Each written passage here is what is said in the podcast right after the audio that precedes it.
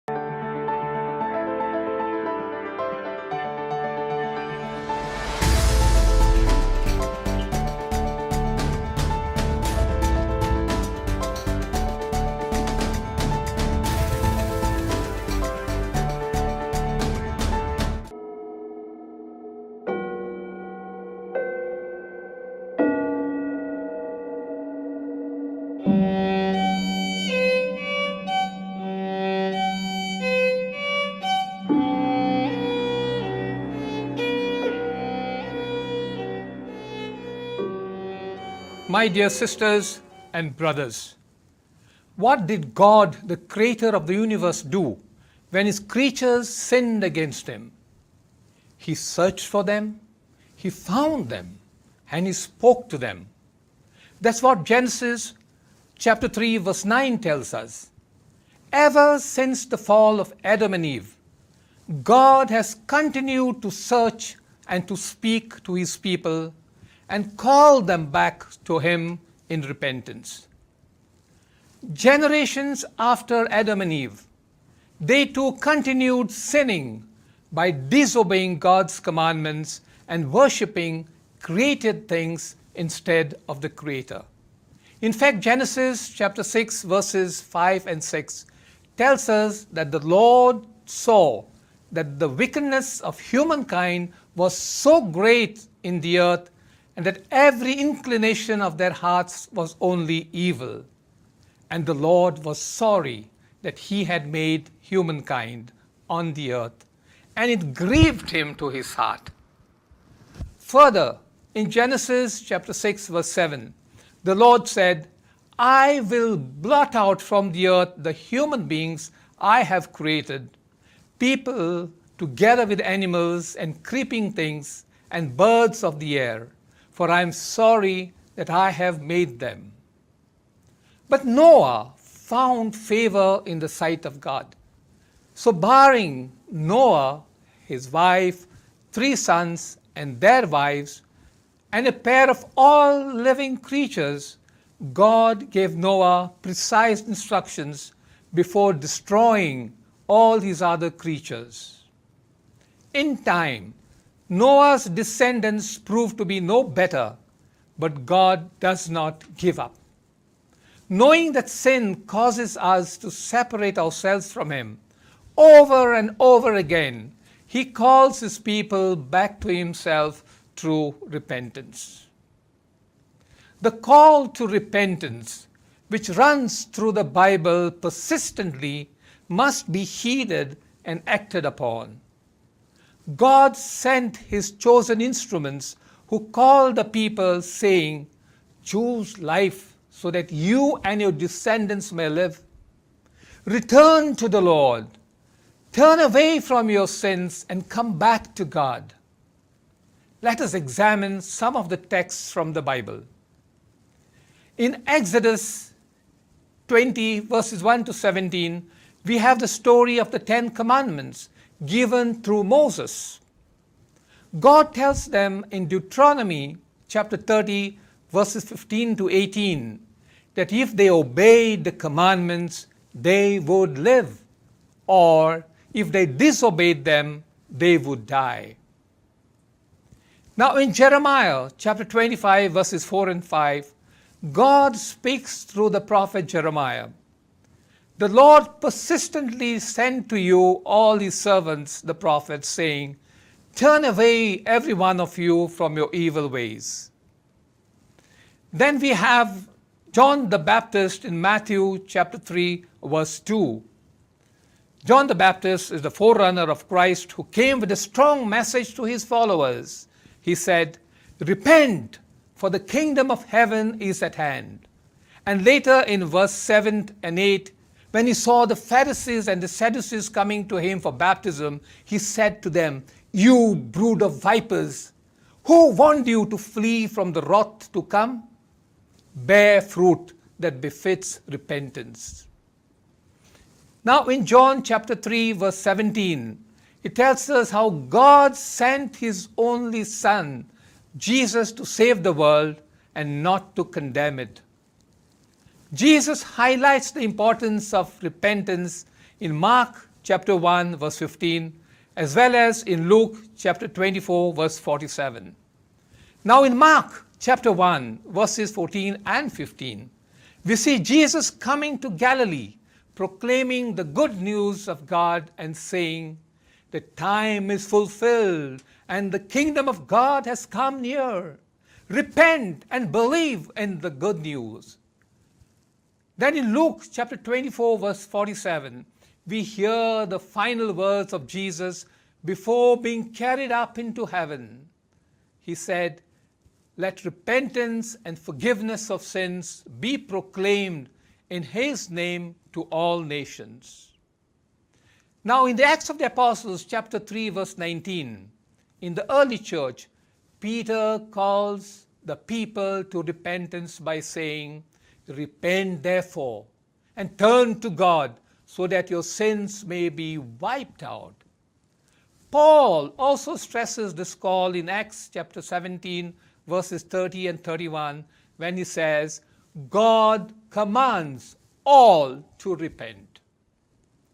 Now in Revelations chapter two verse sixteen the apostle John at Patmos says repent Then again, in Revelation chapter 3, verse 3, John says, in his fifth message to the church in Sardis, to remember then what you received and what you have heard and repent.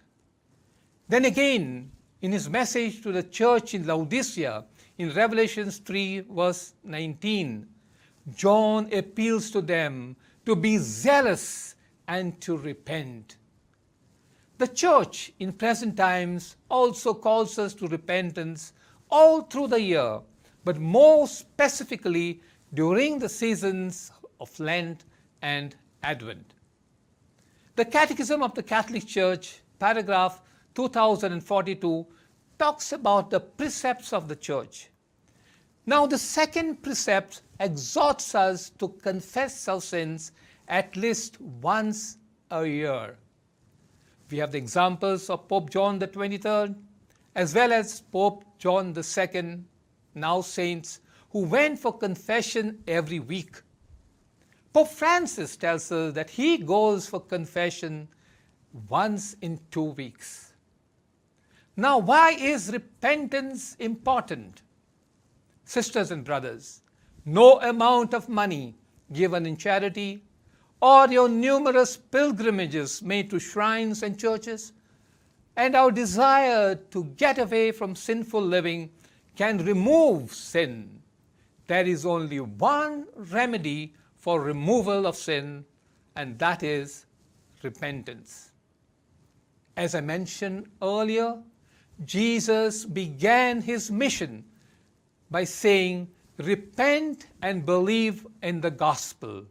that is in mark chapter 1 verses 14 and 15 and jesus ended as well saying that repentance and forgiveness of sin should be preached in his name to all nations thereby clearly emphasizing the urgency and importance of repentance sisters and brothers repentance is necessary for our initial conversion of heart and must be ongoing for one's sanctification and growth in holiness. The prophet Joel gives us a proper understanding of repentance when he says, Rend your hearts and not your garments. In Joel chapter 2, verse 12. Or any external display like sackcloth and ashes, and have a sincerity of heart. The prophet Ezekiel gives the reason saying, Repent and turn from your transgressions and get yourselves a new heart and a new spirit. Why will you die, O house of Israel? For I have no pleasure, says the Lord, in the death of anyone. So turn and live. Unrepented venial sins, results, and spiritual death That's what Luke chapter 15, verse 25 tells us.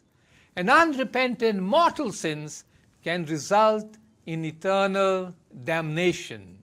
That is Revelations 21, verse 8. Now, what is the meaning of repentance? Let us look at the etymology of the word repentance. The Hebrew term for repentance is shub, which literally means to turn. It implies a double turning to turn away and to turn to. One has to turn away from sin and then turn to God. When there is a double turning, repentance is full. Now, the Bible tells us for Judas that Judas repented, yet he was lost. Why? he did turn away from sin. He returned the money to the temple authorities, admitting that it was the price of innocent blood.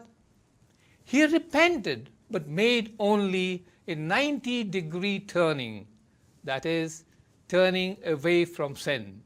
But Judas did not turn to the Lord. Now let's take the example of Peter. He too committed a very serious crime. But he repented over his sins.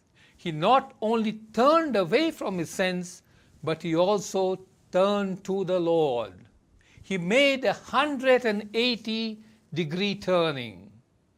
This is true repentance. Pope Benedict XVI, in his book titled Jesus of Nazareth, says this about Peter. Struck by the Lord's gaze, Peter burst into healing tears that plow the soil of his soul. Further, the Pope says of Peter, he begins anew and is himself renewed. Now, the Greek word for repentance is metanoia. Literally, it means to cross over to the other side. Hence, repentance means to have a change of mind, A change of heart, it means making a conscious and firm decision to break with our past way of life. It means turning away from sin and turning to God, and then living as God expects us to live. Repentance was perhaps best defined by a small girl at a catechism class. She said, "It's to be sorry enough to quit." Now, repentance is a spiritual pill that has these seven exceptional ingredients. First, the sight of sin, the sorrow for sin, the confession of sin, the shame for sin, the hatred for sin, turning from sin, and finally, turning to God. as the hymn we so often sing Turn your eyes upon Jesus and look full in his wonderful face, then the things of earth will grow strangely dim in the light of his glory and grace. The parable of the prodigal son, told by Jesus, helps us to know the heart of God the Father and the heart of his creatures, through the Son. The Father in the parable represents God, while the Son represents us. Now, the Catechism of the Catholic Church, 1439, says the process of conversion and repentance was described by Jesus in the parable of the prodigal son, the center of which is the merciful Father. The fascination of the illusory freedom, the abandonment of the father's house, the extreme misery in which the son finds himself after squandering his fortune, his deep humiliation at finding himself obliged to feed the swines, and still worse, at wanting to feed on the husks the pigs ate, his reflection on all he has lost. his repentance and decision to declare himself guilty before his father, the journey back, the father's generous welcome, the father's joy, all these are characteristics of the process of conversion. The beautiful robe, the ring, and the festive banquet are symbols of that new life. Only the heart of Christ. who knows the depths of his father's love could reveal to us the abyss of his mercy in so simple and beautiful way we can summarize the meaning of repentance and what it involves from this parable given to us in luke chapter 15 verses 11 to 24 now there are four r's in repentance The first is the realization, the second is the resolution, the third is the renunciation, and finally the restoration. Now the first R is about the realization and awareness of his sin, which is evident in that parable in verse 17. It says, "But when he came to himself, he said, how many of my father's hired hands have bread enough and to spare, and here I am dying of hunger? The second step is the resolution he makes, a decision that is made in verses 18 and 19. When the son says, I will get up and go to my father, and I will say to him, Father, I have sinned against heaven and before you. I am no longer worthy to be called your son. Treat me as one of your hired hands. The third is renunciation, acting on the decision which we now see in verses 20 and 21. It says, so he set off and went to his father. And while he was still far off, his father saw him, and he was filled with compassion. he ran and put his arms around him and kissed him. Then the son said to him, Father, I have sinned against heaven and before you. I am no longer worthy to be called your son. Now, in the fourth R, is all about restoration, the reconciliation, and reparation. We see that in verses 20, 22, 23 and 24. But when the father said to his slaves, Quickly bring out a robe, the best one, and put it on him, put a ring on his finger, and sandals on his feet. The father was no longer seeing his son as a sinner. The robe of righteousness was placed upon him because he had confessed his sin.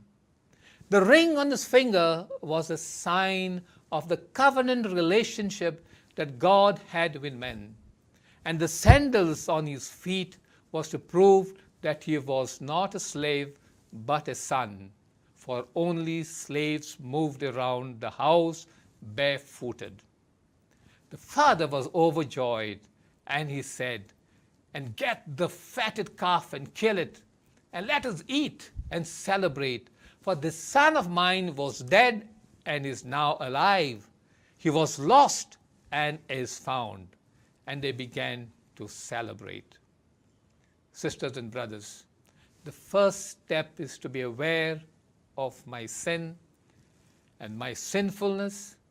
Once I'm aware of my sin and my sinfulness, I make a conscious decision to forsake my sin and return home to my Father.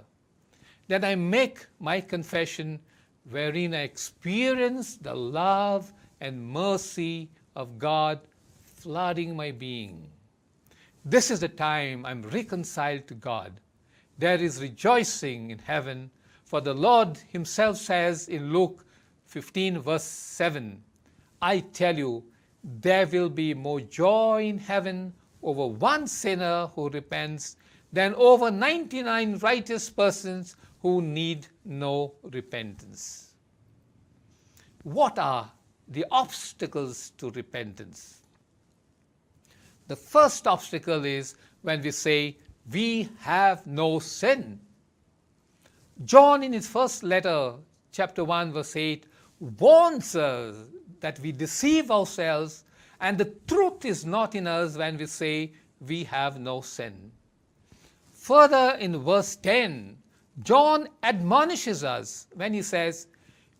We have not sinned that we make God a liar, and his word is not in us. Now, St. Paul bluntly tells us in Romans chapter 3, verse 23, that all have sinned and fall short of the glory of God. Hence, we need to make repentance a lifestyle and a way of life. It is not a one-time event, but an ongoing process. The second obstacle to repentance is, if I say that my sin is too grave to be forgiven. Let us again look at the life of Judas.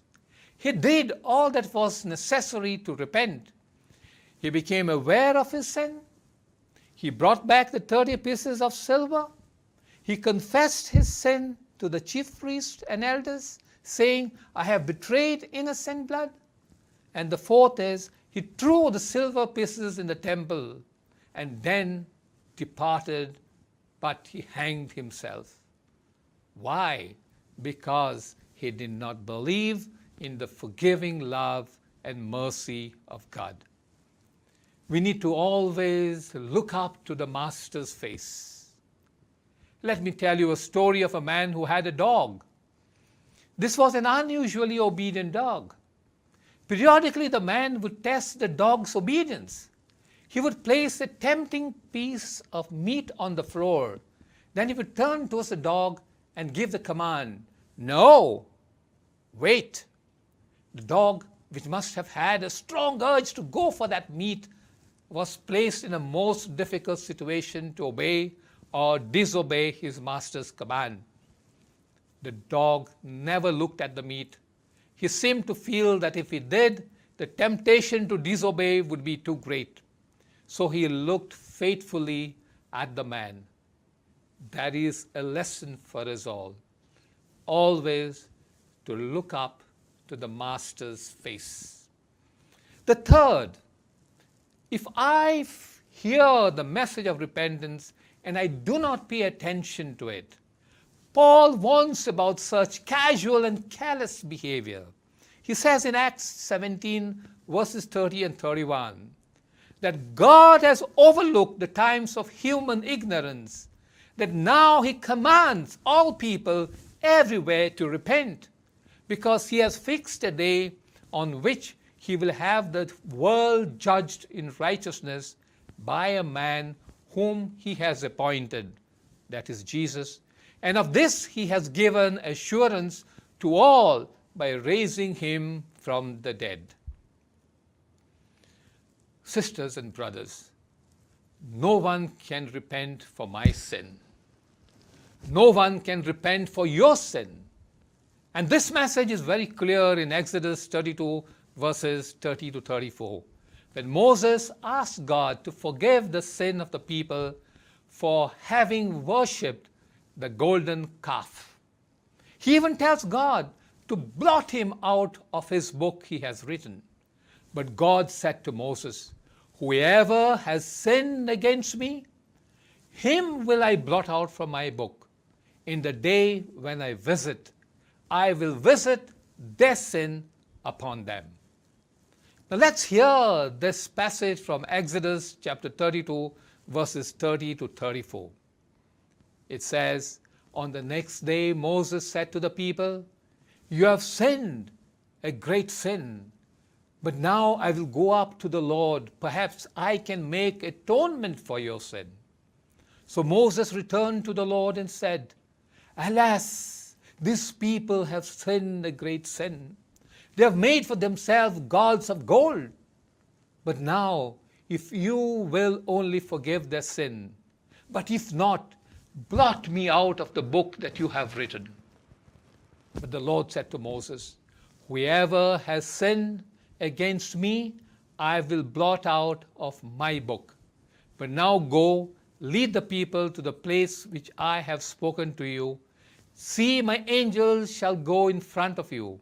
nevertheless when the day comes for punishment i will punish them for their sin now in acts chapter 3 verse 19 tells us that repentance helps concerning one's past present and future here we have peter telling the people to repent so that their sins will be blotted out that is, the past sense, and that times of refreshing may come from the presence of the Lord, that is, both present and future sense.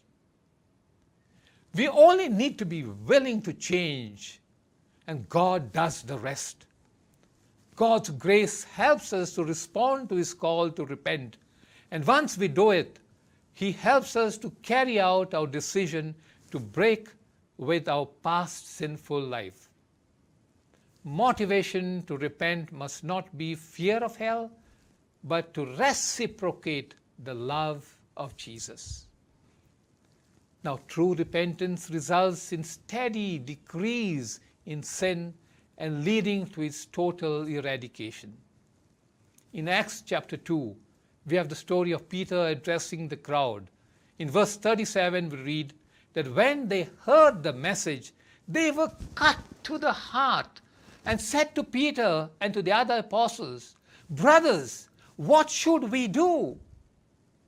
Peter minced no words and straightforwardly said to them, Repent so that your sins may be forgiven. Let us now reflect on the good thief, or as we know, the penitent thief mentioned in Luke chapter 23, verse 42. The good thief was one of the two men crucified with Jesus. He asked the Lord, Remember me when you come into your kingdom. Now, the Bible does not say what crime he committed, only that he was a thief.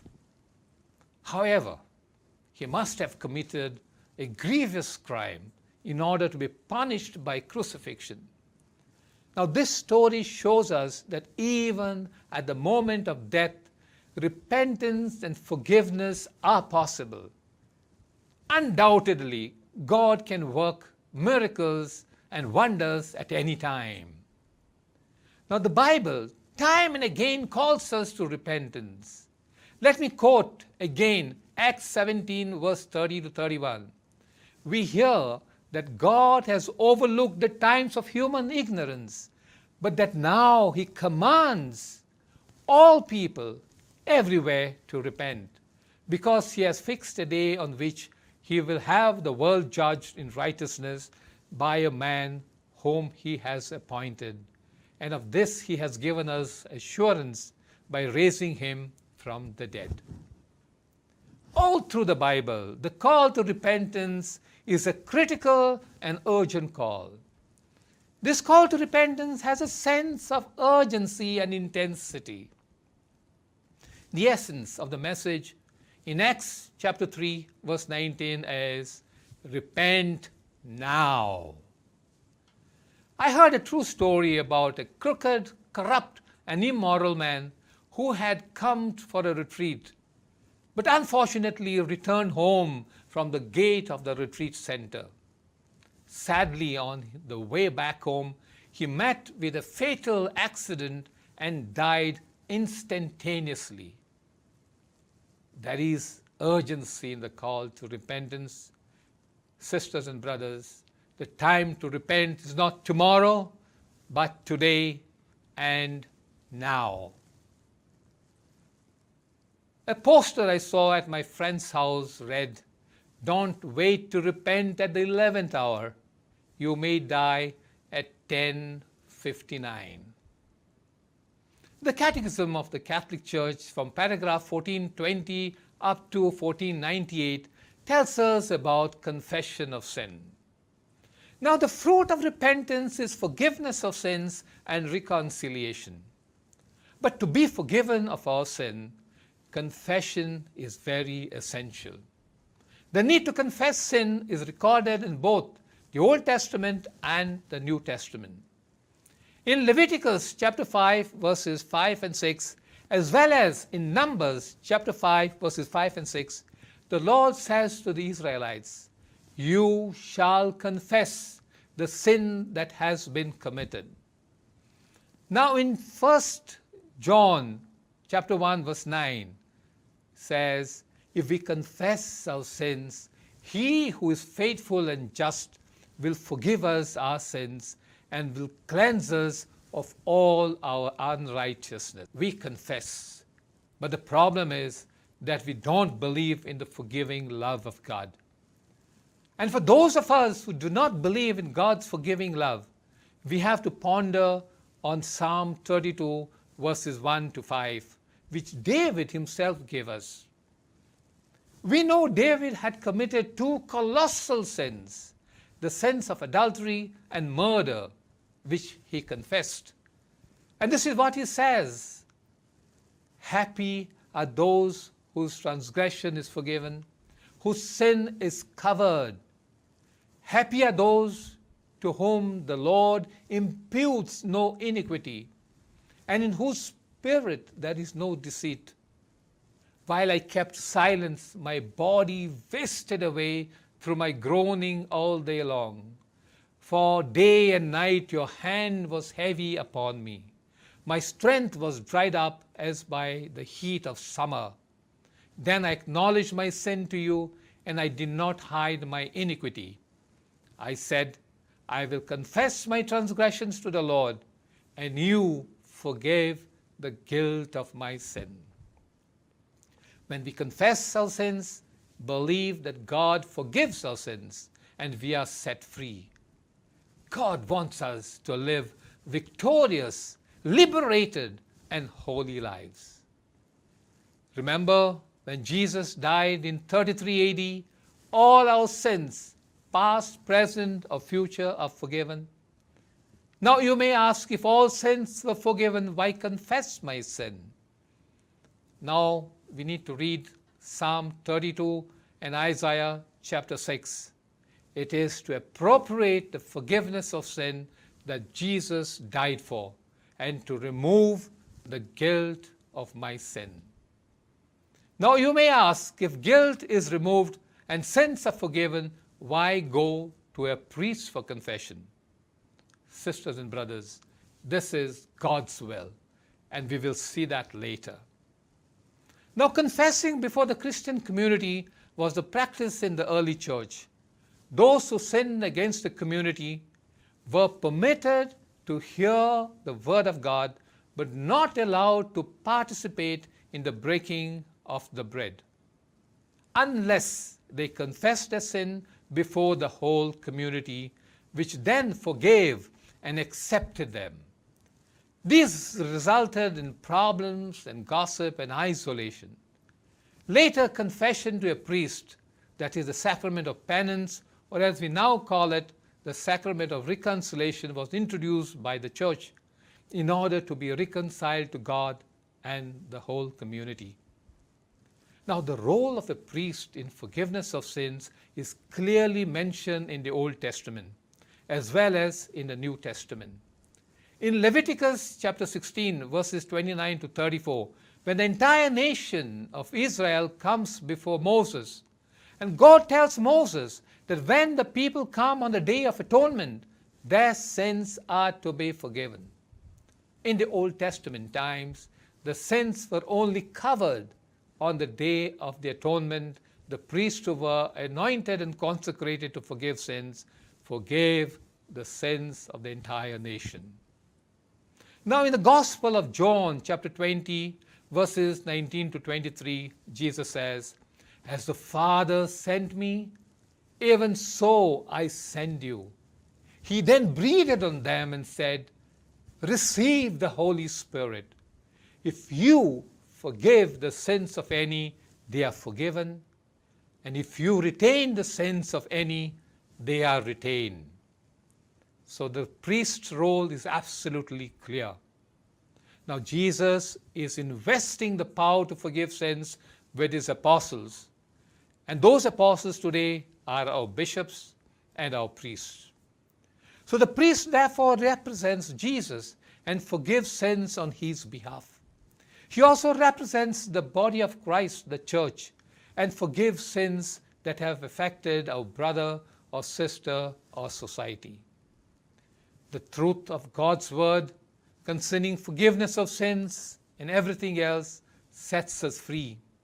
That's what John chapter 8 tells us. And further, Jesus says in John 8:36, so if the Son makes you free, you will be free indeed. Sisters and brothers, when you go for confession, do not feel bad about your sin and your sinfulness. Do not camouflage your sin. Tell it as it happened and use words that express the frequency of your sin, whether it was daily, occasionally, or seldom.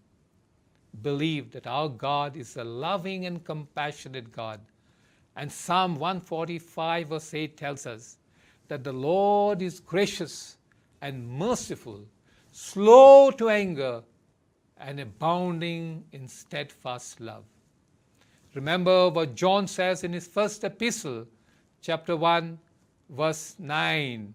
If we confess our sins, he who is faithful and just will forgive us our sins and cleanse us from all our unrighteousness. A little boy had just finished his first confession. When he returned to the pew, he tapped his mother on the shoulder, smiled, and said, I passed. Sisters and brothers, if we repent and confess our sins, we too will pass. To sin is human. Heaven and hell both are filled with sinners with just one difference: repentance and confession. If God did not forgive sinners, heaven would be empty. sisters and brothers, it is the Lord sitting in the confessional. And remember his words Though your sins are like scarlet, they shall be like snow. Though they are like crimson, they shall be like wool. That's what Isaiah says. Let's pay serious attention to what Jesus said in John chapter 8, verses 10 to 11, in the story of the woman caught in adultery. Jesus asks her, uh, has no one condemned you? She said, No one, sir. And Jesus said to her, Neither do I condemn you. Go your way, and from now on, do not sin again. Revelations 3 3 tells us, Remember then what you received and heard. Obey it and repent.